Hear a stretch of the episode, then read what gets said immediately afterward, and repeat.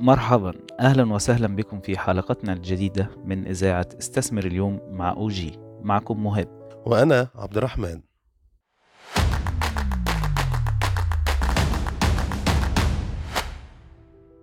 في حلقتنا السابقة تحدثنا عن أسعار العقارات في خمسة مناطق هامة من إسطنبول. المناسبة للاستثمار والسكن. في حال رغبتم بالاستماع إلى الحلقة تركنا لكم الرابط في صندوق الوصف.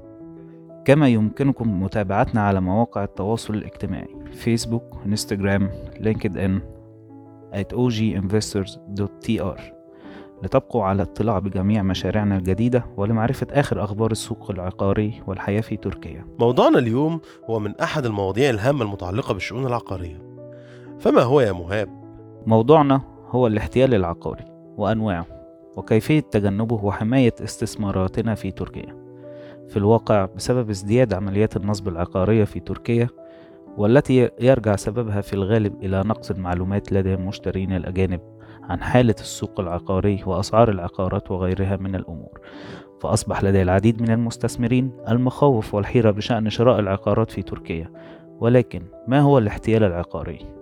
الاحتيال العقاري هو باختصار عندما يقوم شخص ما أو طرف ثالث في أي مرحلة من مراحل سير المعاملات العقارية بتقديم معلومات كاذبة وخاطئة عن العقار وحالته وعن سند الملكية خلال عملية شراء أو بيع أو تأجير أو تمويل الممتلكات العقارية. للاحتيال العقاري عدة أنواع سنذكر أبرزها. أول وأهم نوع هو الاحتيال في سند الملكية. يحدث الاحتيال في سند الملكية في عدة أشكال. فمثلا إذا كان الفرد يدعي أنه المالك الحقيقي للعقار وقام ببيعه دون علم صاحبه الحقيقي أو في حال تقديم سند ملكية مزيفا أو تسجيل رهنا عقاريا دون علم المالك الحقيقي أو في حال أصبح المشتري مالكا لعقار بخلاف العقار المتفق عليه فكيف يمكننا تجنب التعرض لهذا النوع من الاحتيال؟ إليكم الحل يمكن التحقق من الحالة الملكية للعقار عن طريق إرسال رسالة على بريد الإلكتروني أو الاتصال على الرقم الخاص بمديرية السجل العقاري في تركيا أو عن طريق زيارة موقع الطابو وإدخال معلومات عن المدينة المتواجد فيها العقار المقاطعة الحي أو القرية والموقع على الخريطة حيث يمكنكم الوصول إلى المعلومات الأساسية والصحيحة حول العقار وسنترك جميع المعلومات في صندوق الوصف. النوع الثاني هو أحد أنواع الاحتيالات الشائعة وهو الاحتيال في عملية الدفع والتحويل المصرفي. هناك خياران لإجراء عملية الدفع إما نقدا أو عن طريق الحوالة البنكية. هناك بعض المحتالين العقاريين يقومون بتزويد العميل برقم حساب مصرفي خاطئ تابع لشخص آخر أو لشركة أخرى بدلا من حساب المالك الأصلي. لذا عليكم التأكد من اسم مالك العقار الموجود في سند الملكية ويجب أن يكون الاسم مطابقا لاسم صاحب الحساب المصرفي. ولتجنب أي مشاكل محتملة أثناء تحويل الأموال أنصحكم بذكر معلومات عامة حول العقار مثل نوع الطابو وعنوان العقار واسم المشروع واسم المالك الأصلي في مربع الوصف. حسنا أما النوع الثالث هو خدعة الحصول على الجنسية التركية. من أجل الحصول على الجنسية التركية يجب شراء عقار بقيمة 250 ألف دولار أمريكي وما فوق وذلك بحسب قانون الجنسية التركية عن طريق الاستثمار.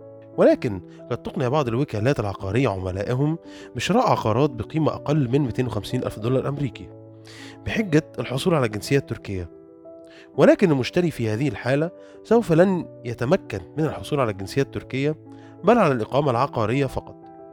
لذلك يجب الانتباه من الوقوع في هذا الفخ. والنوع الرابع والأخير هو احتيال الوسيط العقاري.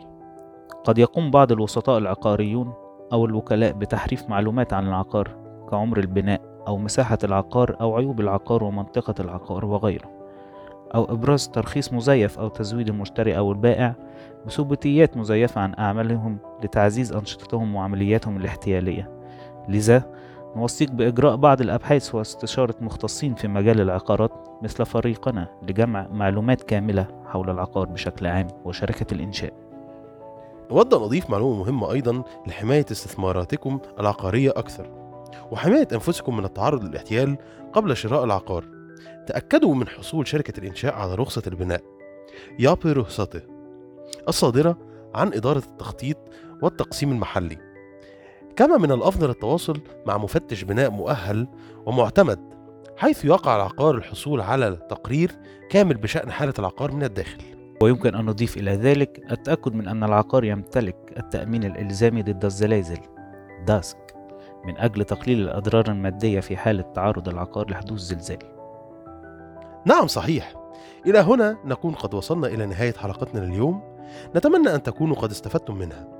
لا تترددوا بالتواصل معنا للاستفسار عن الخدمات العقارية المقدمة من فريق شركتنا OG Investors. ولا تنسوا الاشتراك في القناة على Google Podcast أو Spotify أو SoundCloud. وتفعيل زر الجرس لتصلكم الحلقات فور نشرها. وشاركونا إجاباتكم عن سؤال حلقة اليوم. إن كنتم ترغبون بشراء عقار ما هو البلد الذي تختارون؟ انتظرونا الاثنين القادم الساعة السابعة صباحا مع حلقة جديدة وموضوع جديد. إلى اللقاء.